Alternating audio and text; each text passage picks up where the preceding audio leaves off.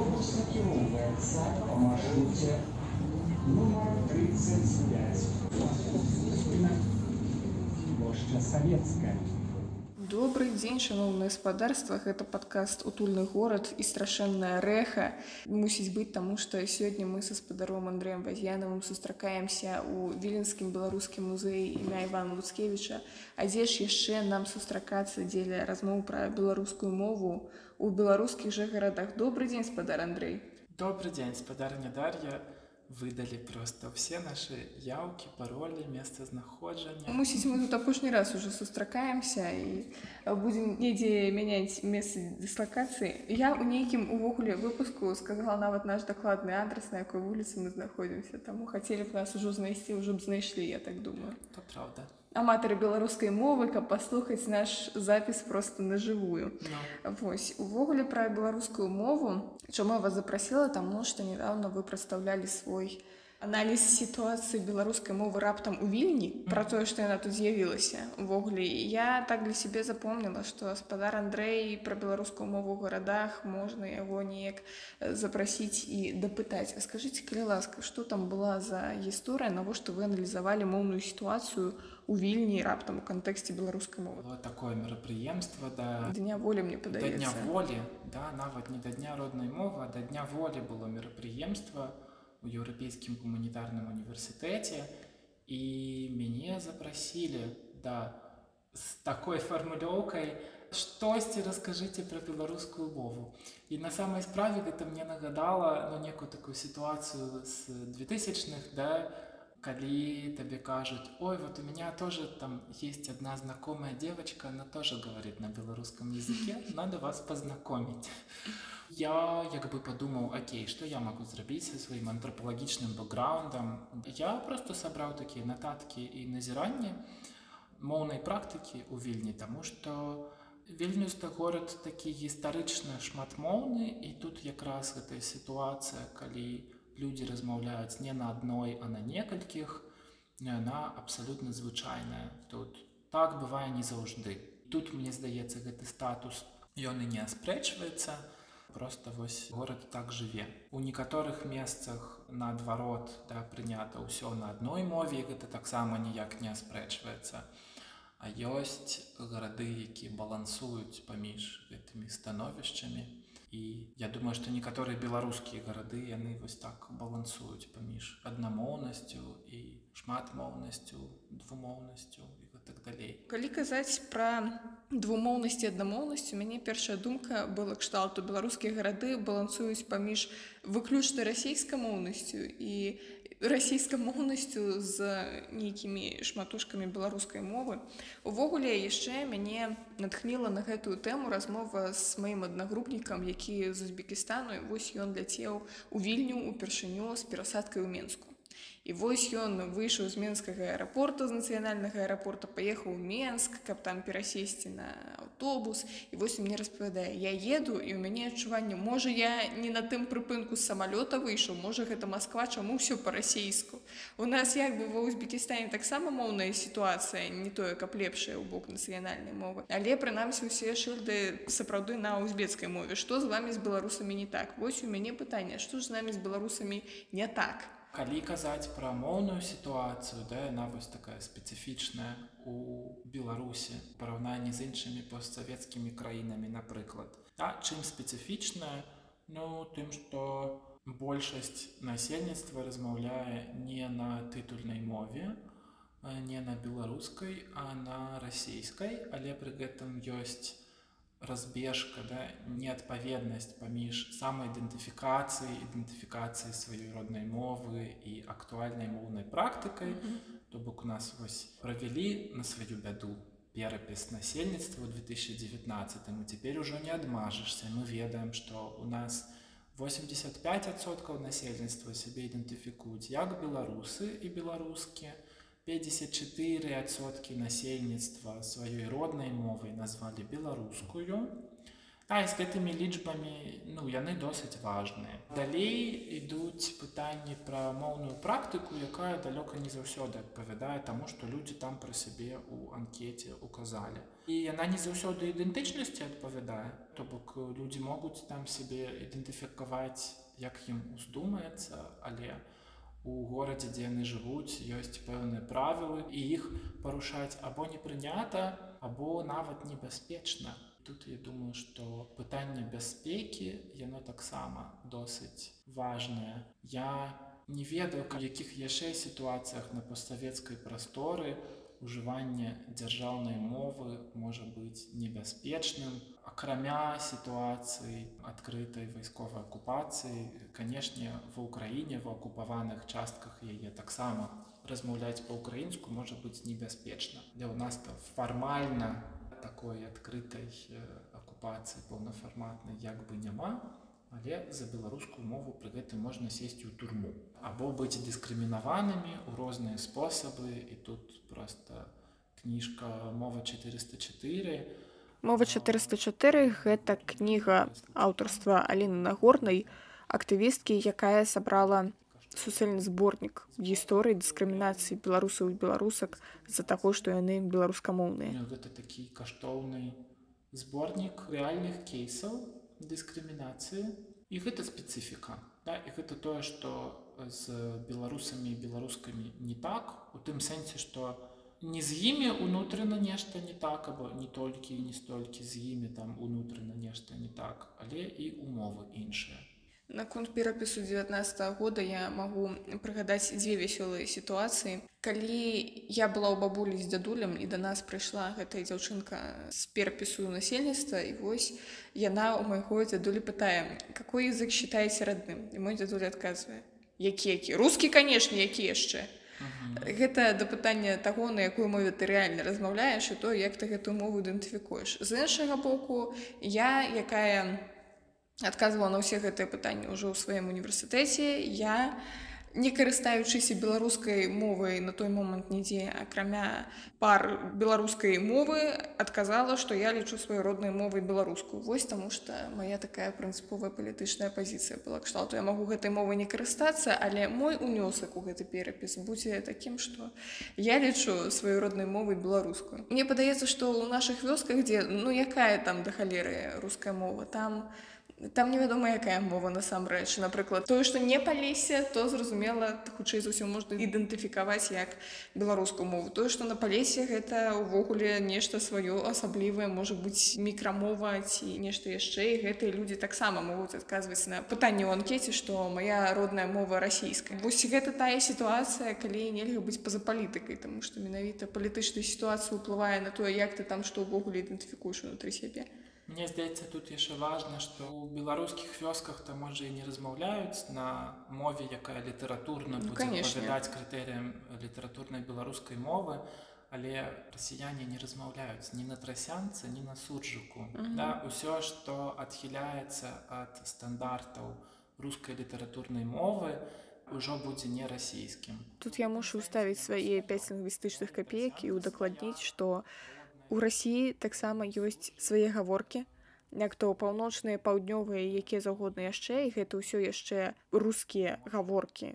То бок не ўсё, што адкранаецца ад літаратурнай нормы з'яўляецца іншай мовай. Але тут маецца на ўвазе менавіта тое, што калі б не беларуская мова, калі б не украінская мова гэтых феноменаў суржыку і трасянкі ўвогуле б не існавала, суадносна гэта ўсё яшчэ беларускі ці ўкраінскі нацыянальны феномен. І ў гэтым сэнсе так гэта ні ў якім разе не дыялект расійскай мовы. І ў гэтым сэнсе яно сваё да? і трасянка свая родная і суржык свой рідны. Думаю, што і адбываецца зараз пераасэнсаванне стаўлення да іх да суржыка і трасянкі.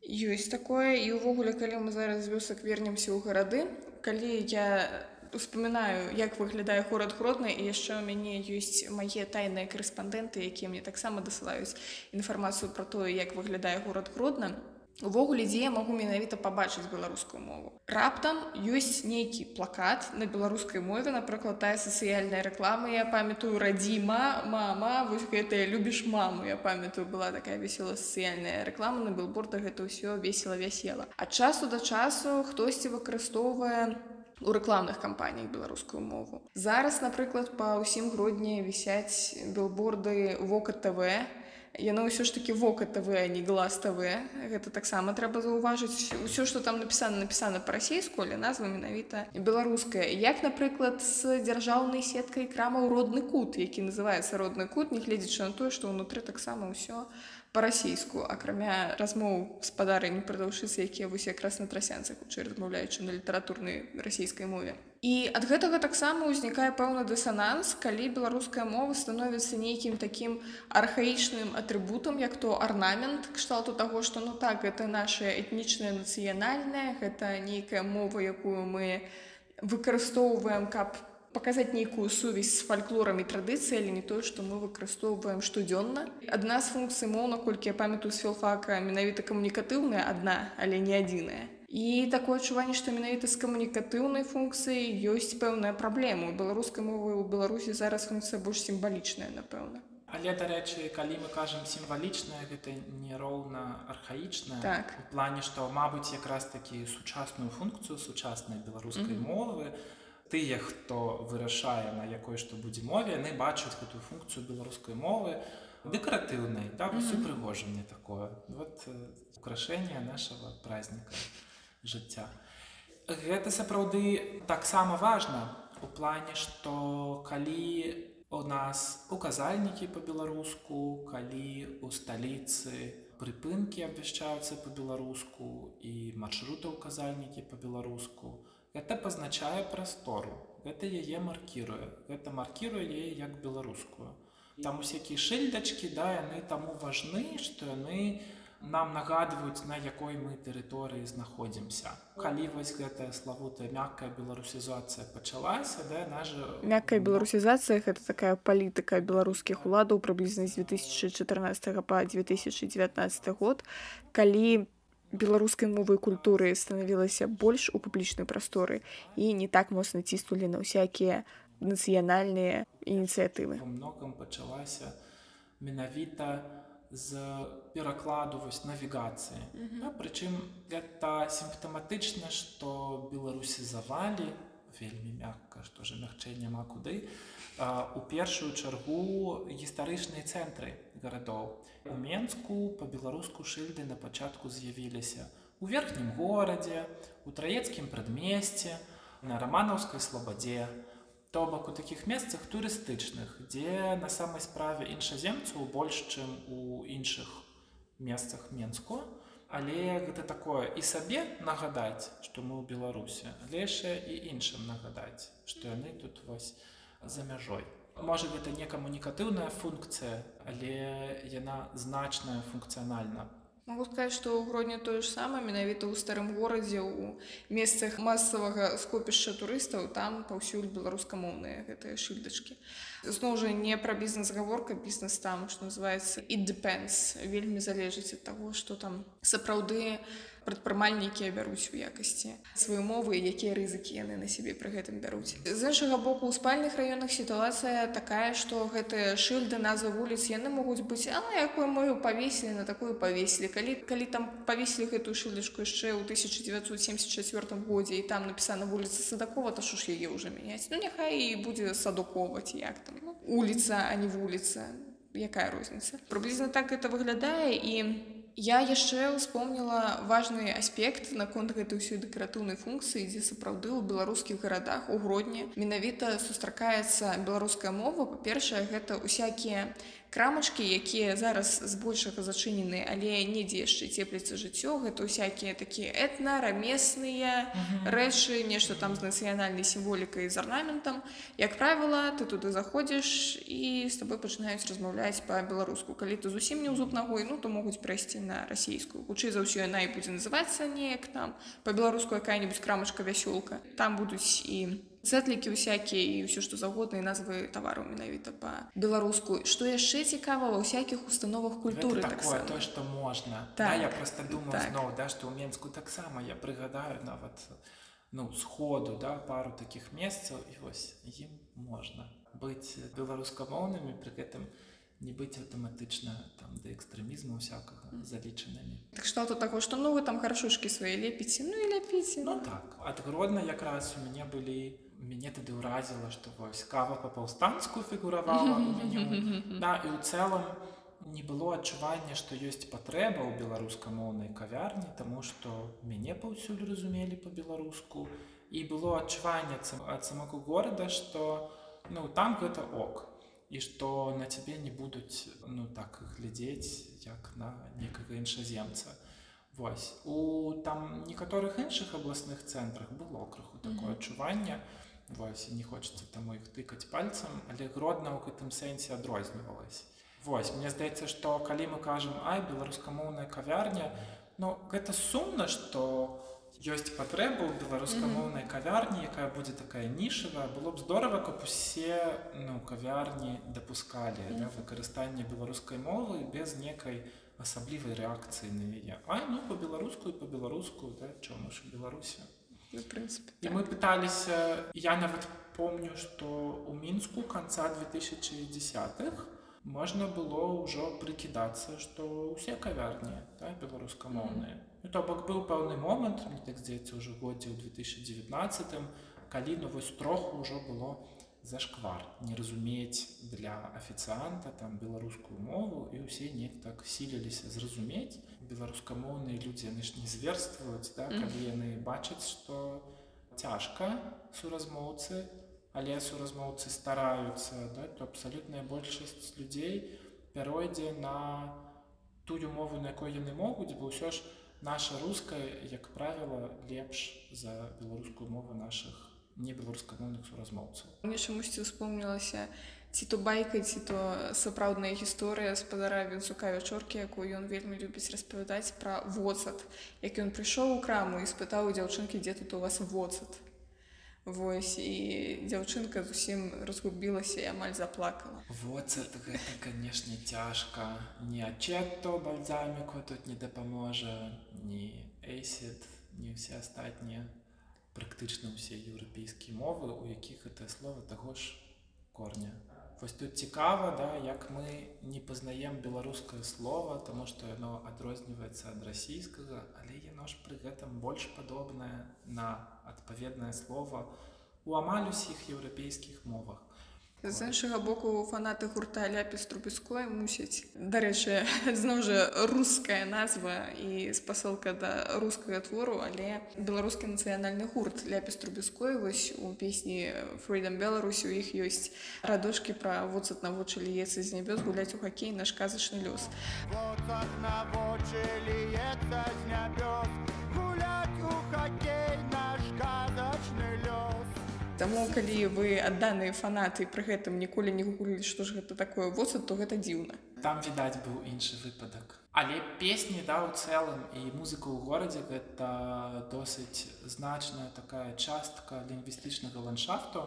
І это не я придумаў зараз гэты панятак лінгвістычны ландшафт. Даследаванні да ёсць прысвечаныя таму як розныя мовы прадстаўленыя ў гарадской прасторы. І гэта і нейкі фізічна да існуючыя надпісы і шыльдачкі але і гукавы ландшафт канешне же это частка гэтага лінгвістычнага ландшафту тому что ёсць тое як людзі размаўляюць і ёсць тое што яны напрыклад пяюць і што грае да якая музыка грае. Адпаведна гэта ну таксама мае нейкі там функцыі. І дарэчы калі ўвогуле мы кажам пра горад то ёсць выпадкі калі вельмі адрозніваецца пісьмовая частка гэтага ландшафта да, Так. пісьмовы слой і вусны слой. Бываюць да напрыклад гарады дзе ўсё будзе напісана на дзяржаўнай мове Ташкент. размаўляць будуць большасць па-руску. Ташкент да а я вось пра даўгавпілс думаю да, таму што там будзе па-латышску але пры гэтым асноўная мова вуснай камунікацыі руская да, такое вось бывае бывае Ам, Вось як на Мальце, напрыклад, было усе мясцовыя між сабой размаўляюць па-мальтыйску, але збольшага ўся камунікацыя па-ангельску. Здаецца, да, была такая цікавая дэталь, што ў аўтобусе абвяшчаюць наступны прыпынак да, голасам па-мальтыйску і па-англійску, але піша гэты бягучы рядок толькі па-англійску. То бок калі напрыклад у чалавека ёсць парушэнне слыху то ён мусіць ведаць ангельскую каб Бо яна там другая дзяржаўная. А вось да чаго даводзяць гэтыя вашы другія дзяржаўныя мовы тым часам так. я успомніла як імперскія ўсякія. так так так як на вуліцы савецкай таксама у двадцатым годзе у нядзелю якраз памятаеце файную традыцыю нядзельных акцый Ну я так. памятаю вось калі ўжо не было нядзельных акцый але прадстаўнікі мус усё яшчэ хваляваліся што раптам гэтыя акцыі ўзнікнуць і патрулявалі там на цэнтральнай вуліцы. І я памятаю гэтых музыкаў якія звычайна спяваюць на вуліцы савецкай. І я просто памятаю гэтага хлопца які такі грай спявай і азіраецца просто вось ён грае на гітары ён назіраецца ці не ідзе там які-небудзь прадстаўнік адмысловай арганізацыі гэта да пытання да песняў што сапраўды нашыя музыкі вось колькі я себе памятаю у гродні яны маглі іграць або беларускія амаль народныя песні то бок нрм і ляпіс. Наві бэнд потым з'явілася ў рэпертуары маглі граць каверы на металіку ці нірвану але ніколі там не гучаў які-небудзь газману Я себя чувствую здесь как дома. вось не было газманова Не было.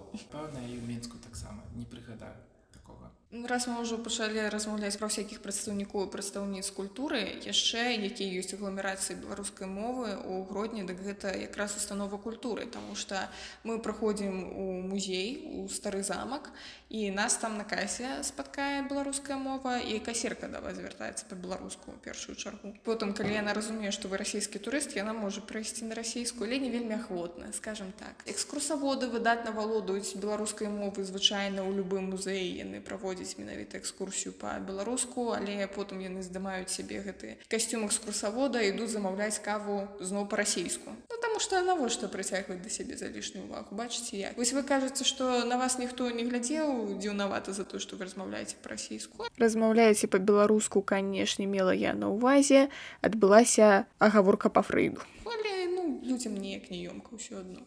Я можа яшчэ не ў кожным месцы, да? То бок ходзіш і больш-менш у адны і тыя ж заклады і недзе цябе ўжо ведаюць, А потым як прыйдзеш у некае незнаёмае, то там уже яшчэ і падумаеш, на якой сказаць. Да. Ну, цікава. Тады гэта не ўспрымалася можа з такой увагай, ну плане, што я, напрыклад, не ўспрымаў гэта з такой увагай. Mm -hmm. Ёсць яшчэ акрамя музеяў такія установы культуры як то тэатры калі вашу трупу не разагналі то вы можете паспрабаваць усё яшчэ ставіць спектаклі па-беларуску напрыклад тэатр лялек я спадзяюся я не прыцягну да іх за лішнюю непажаданую увагу але ў іх рэпертуар прынамсі напісаны па-беларуску і спектаклі таксама мусяць адбывацца па-беларуску.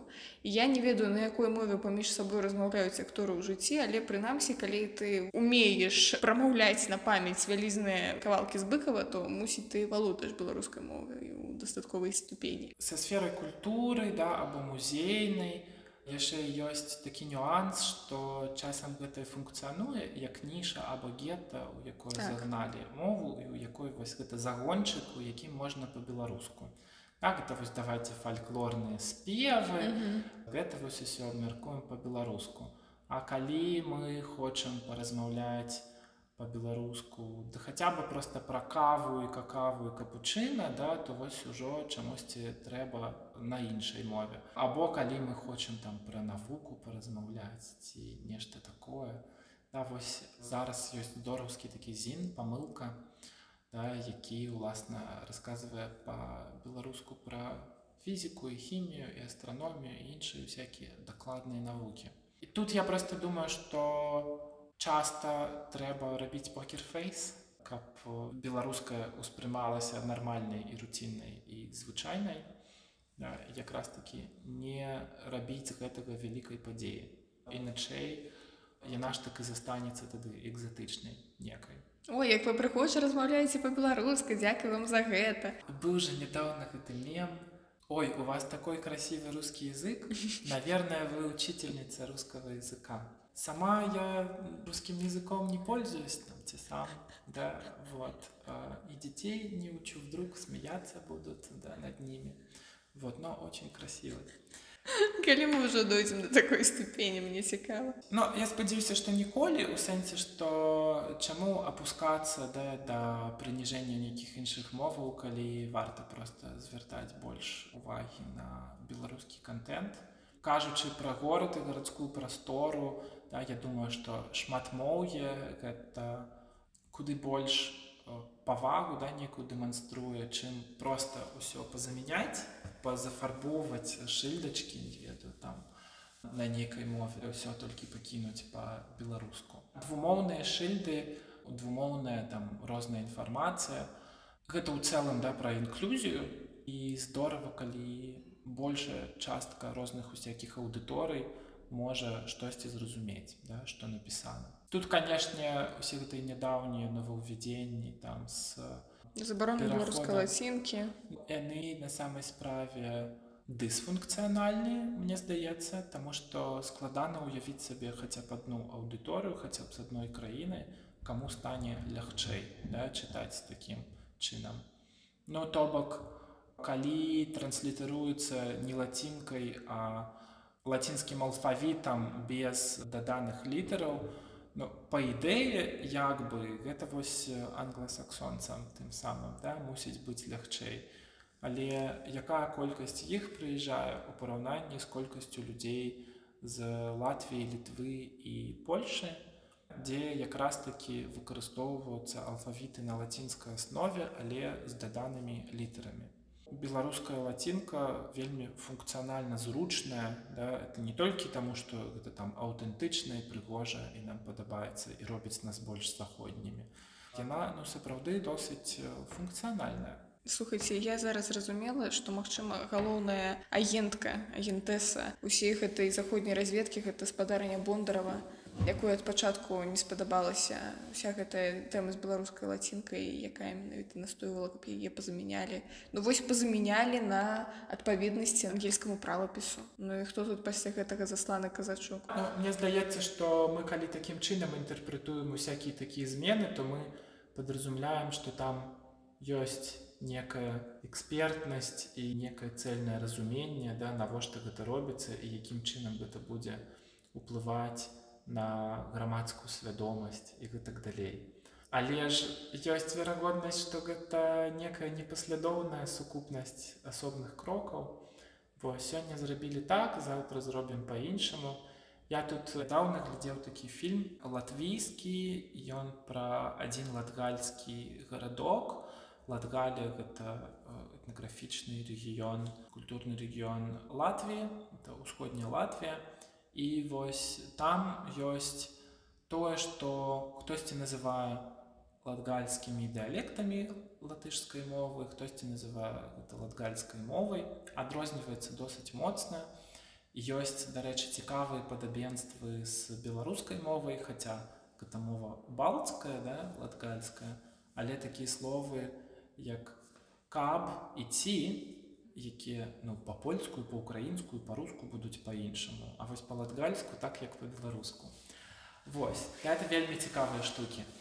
І у гэтым фільме паказваецца гісторыя таго, як маленькі гэты гарадок па-латгальску называлась Пелсета Піупес, то бок гарадок каля ракі. І вось там паказваецца якраз як шыльдачкі гэты зафарбоўвалі. На пачатку было па-латгальску напісана, потым у 34 пачалася дыктатура Ульманіса ў Латвіі. Карліс Ульманіс гэта быў такі прэм'ер-міністр незалежнай Латвіі, а Латвія, дарэчы, была незалежную міжваенны перыяд. Толькі ў 34 годзе адбыўся пераварот і ён захапіў уладу, разагнаў парламент, пазакрываў усякія незалежныя СМі і ў 36 годзе абвесціў сябе прэзідэнтам замест таго прэзідэнта тэрмін паўнамоцтваў якога якраз скончваўся. А яшчэ ён абвесціў сябе бацькам нацыі. А яшчэ калі прыйшлі савецкія войскі, ён сказаў, што класна ідуць сябры. Можа быць, вам гэта нешта нагадвае. але гэта не мая зона адказнасці усё зрабілі так як у рызе на стандартнай латышскай потым прыйшлі немцы вось і ўсё зафарбавалі на нямецкую і гатычным шрифтам потым прыйшлі саветы да, і стала это улица сталина і напісана там усё было по-руску Вось это вельмі такі нейкі яскравы прыклад да, э, таго як шыльдачкі часто оказываются ну толькі такой паверхняй якую можна хутка памяняць і вось сёння яны такія заўтра яны іншыя тут з аднаго боку не трэба забывацца што яны важныя яны нешта дэманструюць і нейкі пасыл робяць але з іншага боку трэба не забываць наколькі яны недаўгавечныя і што яны не вызначаюць тое як мы размаўляем і як мы думаем і яшчэ яны сёння не вызначаюць то які мы контент спажываем Я чамусьці шмат думала пра Кіў перад тым, як мы з вами пачалі размаўляць. Справа ў тым, што я ў Киеве была апошні раз крайні раз я спадзяюся у 2014 годзе і я не ведаю ці тое што я вспоминаю гэта нейкая моя дзіцячая рэтраспекцыя ўсё насамрэч было не так ці гэта сапраўды было так. Карацей што я успоминаю што ў Киеве было вельмі шмат надпісаў украінскай мовай. Больш за тое не тое што надпісы нейкія там каманды адміністратыўныя так нават рэкламы там які-небудзь Киев стар з думкою про вас. то Нягледзячы на тое, што там гэтай украінскай было ў параўнанні з Беларусю і беларускай даволі шмат, то бок вось у вас тут нават калі расійскія серыялы мы паказваем там ёсць субтытры, вось ёсць контент, які нейкі па-украінску, тут ёсць кніжкі па-украінску, тут нейкія шыльды па-украінску. А ўсё адно увесь горад застаецца расійскамоўным, нягледзячы на тое, што яны таксама ездзяць у метро і чуюць гэтая станцыя левабярэжна кожны тут памылілася пэўна левобережна так бережна кожны дзень нягледзячы на гэта яны ўсё адно як бы размаўляюць па-расійску і стаў кіў больш украінскамоўным наколькі я разумею ўжо пасля пачатку паўнавартаснага ўварвання рассіі ва ўкраіну.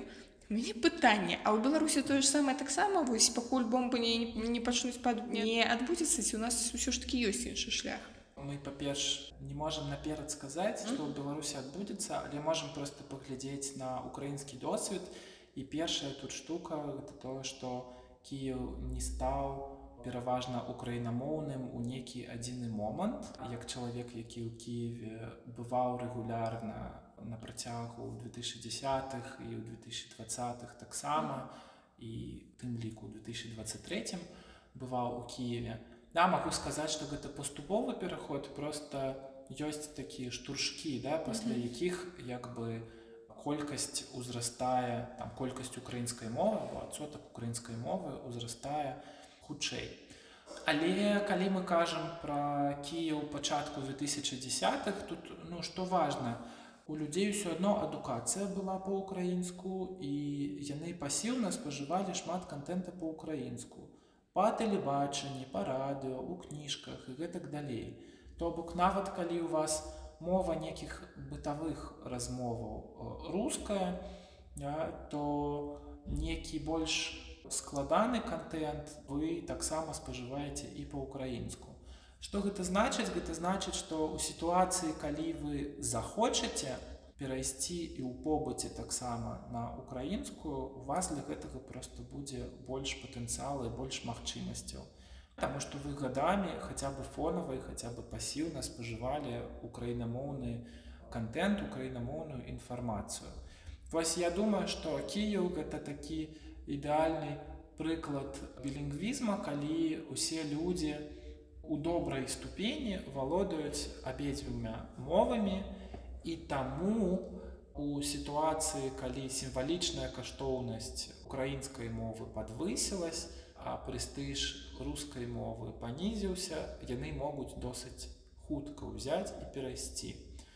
Калі мы глядзім на сітуацыю больш моўна русіфікаваных гарадоў, напрыклад Харькова, да, я не бываў у Харькаве ў 23 годзе, да, але з таго што я чую то шмат людзей стараецца да, і пераходзіць на украінскую мову.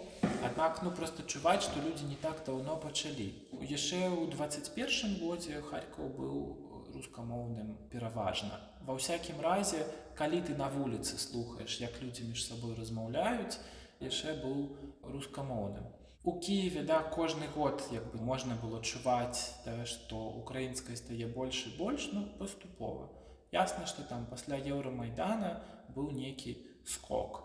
Ясна што і пасля пачатку паўнамасштабнага ўварвання рассіі ва ўкраіну яшчэ нейкі скок адбыўся і так сёння здаецца што кіев на 70соткаў украінамоўны то бок просто украінскай стала больш чуваць чым рускай. Што гэта яшчэ можа значыць? Ну это яшчэ можа значыць што сітуацыі усякія там са стратай мовы і з дамінаваннем рускай яны не ёсць нейкімі незваротнымі. Калі думаць пра кію 2008 года да то ну ён зусім як рускамоўны. Ва всякім разе на вуліцы зноў жа да я не хадзіў у школу кіеўскую і не вельмі там часціў нейкі тэатры кіеўскія але на вуліцы было амаль толькі чуваць рускую мову украінскую можна было пачуць але не так часта. Сітуацыя памянялась усяго за 10 з хвосцікам гадоў і мне здаецца што нам гэты прыклад паказвае што ў беларусі таксама можа памяняцца вельмі хутка калі для гэтага будуць нейкія спрыяльныя умовы. Што гэта будуць за умовы або што это павінны быць за умовы Я думаю што лепш не спекуляваць у гэтым падкасці. Зразумела сапраўды лепш не спекуляваць нідзе ніколі што ж мы спекулянты ці хто мы. Наконт адукацыі калі яшчэ у 90-х у гродні было некалькі школ беларускамоўных цалкам беларускамоўных а зараз тут людзі змагаюцца за кожны беларускамоўны клас яны ёсць там у дзвюх школах літаральна увогуле такая магчымасць там таму што ёсць падручнікі ёсць педагогі якія могуць выкладаць по-беларуску но гэта канешне ўсё вельмі сумна і скажем так я вучылася у рускамоўнай школе як абсалютная большасць беларусаў таму што давайте паглядзім на статыстыку. І праблема у тым што ну падавалася ну, так, пачытаеш потым кніжкі паслухаеш еўрарадыю і неяк у сябе гэтая мова недзе ўсплывае з пасвядомасці а не халеры тому что калі ты хочаш весці больш-менш нейкія інтэлектуальныя размовы табе вельмі не хапае элементарнай школьнай праграмы калі ты ўсе гэтыя перпендыкуляры азімуты і прыметнікі вывучала на рускай мове і ты просто такая А як там элементы менделеева называюцца вось гэтыя стаблічцы як яны там называюцца по беларуско халеры іх ведае. З іншага боку я памятаю калі я была яшчэ ў сёмым класе восьмым калі там хімію пачынаюць вучыць і я праходзіла да бабулі не нешта мы з ёй размаўлялі я кажу вось мы там па хіміі праходзім аксіды ён такая што вы праходзіце я кажу аксіды а ў мяне бабуля ну вельмі разумная адукаваная жанчына была інжынерка такая гэта, гэта што гэта вы окіслы цяпер так называеце мы гэта называлі окісла я навучылася ў беларускамоўнай школе. І я ў той момант яшчэ зразумела наколькі важна вось гэта элементарная школьная адукацыя як гэта лікбез просто вось па ўсіх сферах жыцця наколькі яно сапраўды важнае наколькі яно перадумоўлівае увогуле тое як вы будетеце весці размовы пра аксіды ці окіслы ў сваім жыцці але ці кожны дзень мы размаўляем пра хімію да, або матэматыку тут я вось думаю про то як выкладаецца ўвогуле беларуская мова зараз у школе. Я не вельмі ведаю. Я да, ведаю. з таго што я чую да гэта табе даецца нейкі мастацкі твор напісаны по-беларуску ты сядзіш і са слоўнікам там яго перакладаеш. Але пры гэтым цябе не вучаць як каву ў кавярні замовіць по-беларуску Таму мне здаецца што тут у еўрарадыо умоўнае да ці там нейкія іншыя экстрэмісцкія медыі беларускія яны важныя. Таму што яны кажуць пра штодзённае яны асвятляюць тыя тэмы якія нас цікавяць рэгулярна. Мяне напэўна ну табліца менделеева пасля школы можа нейкі лічаныя разы да, цікавіла. Выкладанне дакладных навук на той ці іншай мове яно канешне важнае але у магчымасцю ўзаемадзейнічаць у побыце яно ўсё ж можа больш першачарговае некае. У гэтым плане просто спажыванне сМ по-беларуску забаўляльнага контента по-беларуску як оно... наш подкаст подписывайтеся Ну так вось яно у тым ліку і для авалодання да потым некай тэрміналогіі дакладных навук стварае больш важны падмурак чым калі вы вучылі хімію па-беларуску але не ведаеце як там вось кавы замовіць уласна Ну, напэўна, калі можаце сабе крышку кісло замовіць, то і з кавай. Можа быць, дадзіце рады, хаця я не ведаю. Дык і вось не факт Ну і мне здаецца што гэта такая штука якую я нават э, сустракаю сярод студэнцтва да таму што яны ходзяць в універсітэт і бачацца са сваімі равеснікамі і у іх мова тусоўкі або мова інтэлектуальных нейкіх гутарак можа якраз быць беларускай там ім хтосьці з выкладчыкаў па-беларуску слайды паказвае але потым яны ідуць у бар і ў іх там гэты слой неяк адпадае таму што ў нас вольны час адбываўся заўсёды па-руску А калі пра гарадскіх казаць усякія там словы мы не ведаем да як усякіх дзіцятак розных жывёл назваць да? ну гэта ж беда для многіх хто нават беларускамоўныя перакласці на беларускую словы кшталту жеребёнак Жарабя. дзелёнак Цялё. Да, ну вось не, да вас няма пытанняў Прабачце, у мяне таксама, просто гэты да. мой сіндром выдатніц ён былі зараз ён такі залаты медаль вось ён тут трусіцца А многія хто лёгка з вами паразмаўляе пра архітэктуру культуру палітыку музыку яшчэ штосьці там па-беларуску пры гэтым не будзе ведаць як скаціну якую назваць Ты посмотри на эту скотину. Я не ведаю хто вам распавядаў пра такі стыль выкладання беларускай мовы ў школах мне падаецца наадварот у нас праблема якраз была ў тым прынамсі калі я вучылася што нам выкладалі беларускую мову так як быццам бы гэта наша мова што штодзённай камунікацыі а нам трэба зараз просто правапіс вывучыць. Зразумела што з гэтым былі пэўныя складанасці таму што як ты вывучыш граматыку калі ты не разумееш палову лексікі якая ў цябе тут у практыкаваннях напісаная і я памятаю што там яшчэ як яны бяруць звычайна для практыкавання нейкія цытаты з мастацкіх твораў что там за творы вайна вёска партызаны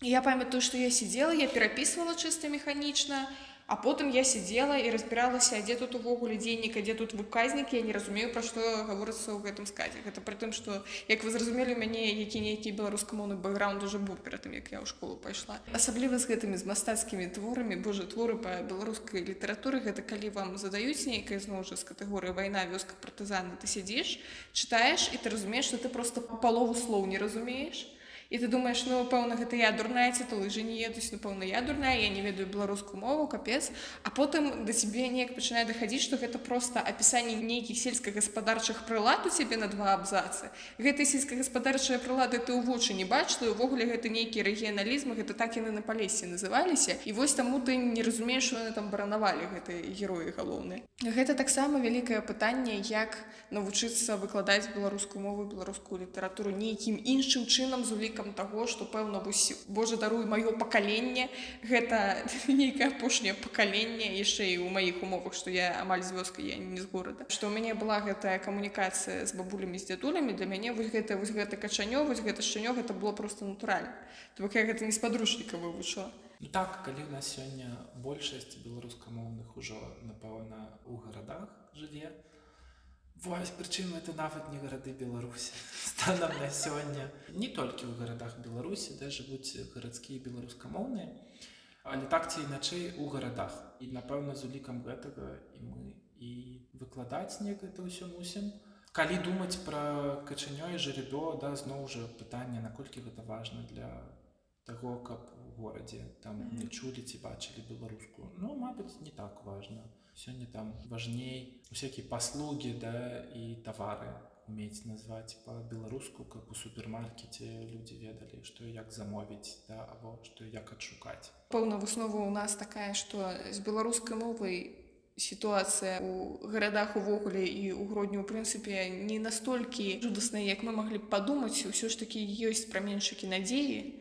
і гэта напрыклад Украіна нам паказвае як можна ўзяць і перайсці цягам некалькіх гадоў і абы у нас была магчымасць рабіць контент пра хімію фізіку урбаністыку на беларускай мове і там у вас хочаш не хочаш а з'явіцца недзе на падсвядомасці гэты неабходны вакабуляр і будзеце вы пасіўна валодаць беларускай мовай у той ступені каб потым узяць і пачаць размаўляць на ёй у нейкі момант вось а калі вам цікава як замаўляць каву ў кавярні то падпішыцеся на тыкток лізы ветравай яна там увесь час распавядае як замовіць каву ў кавярні Замовім гарбату. Просто скажи, я буду гарбату.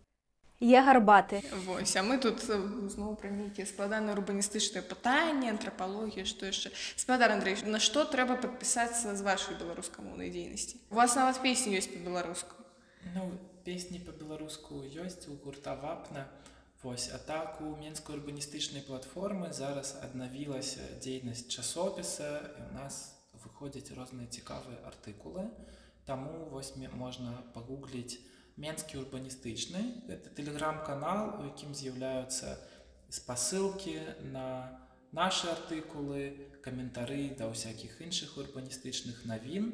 І яшчэ можна ўласна на сам сайт перайсці Менск Urban Space. У нстаграме мы таксама ёсць. А яшчэ падпісвайцеся на наш падкаст, стаўце лайкі, зорачкі, усе астатнія прыемныя адзнакі і памятайце, што хутка мы з вамі пачуемся і пачуемся менавіта па-беларуску бывайце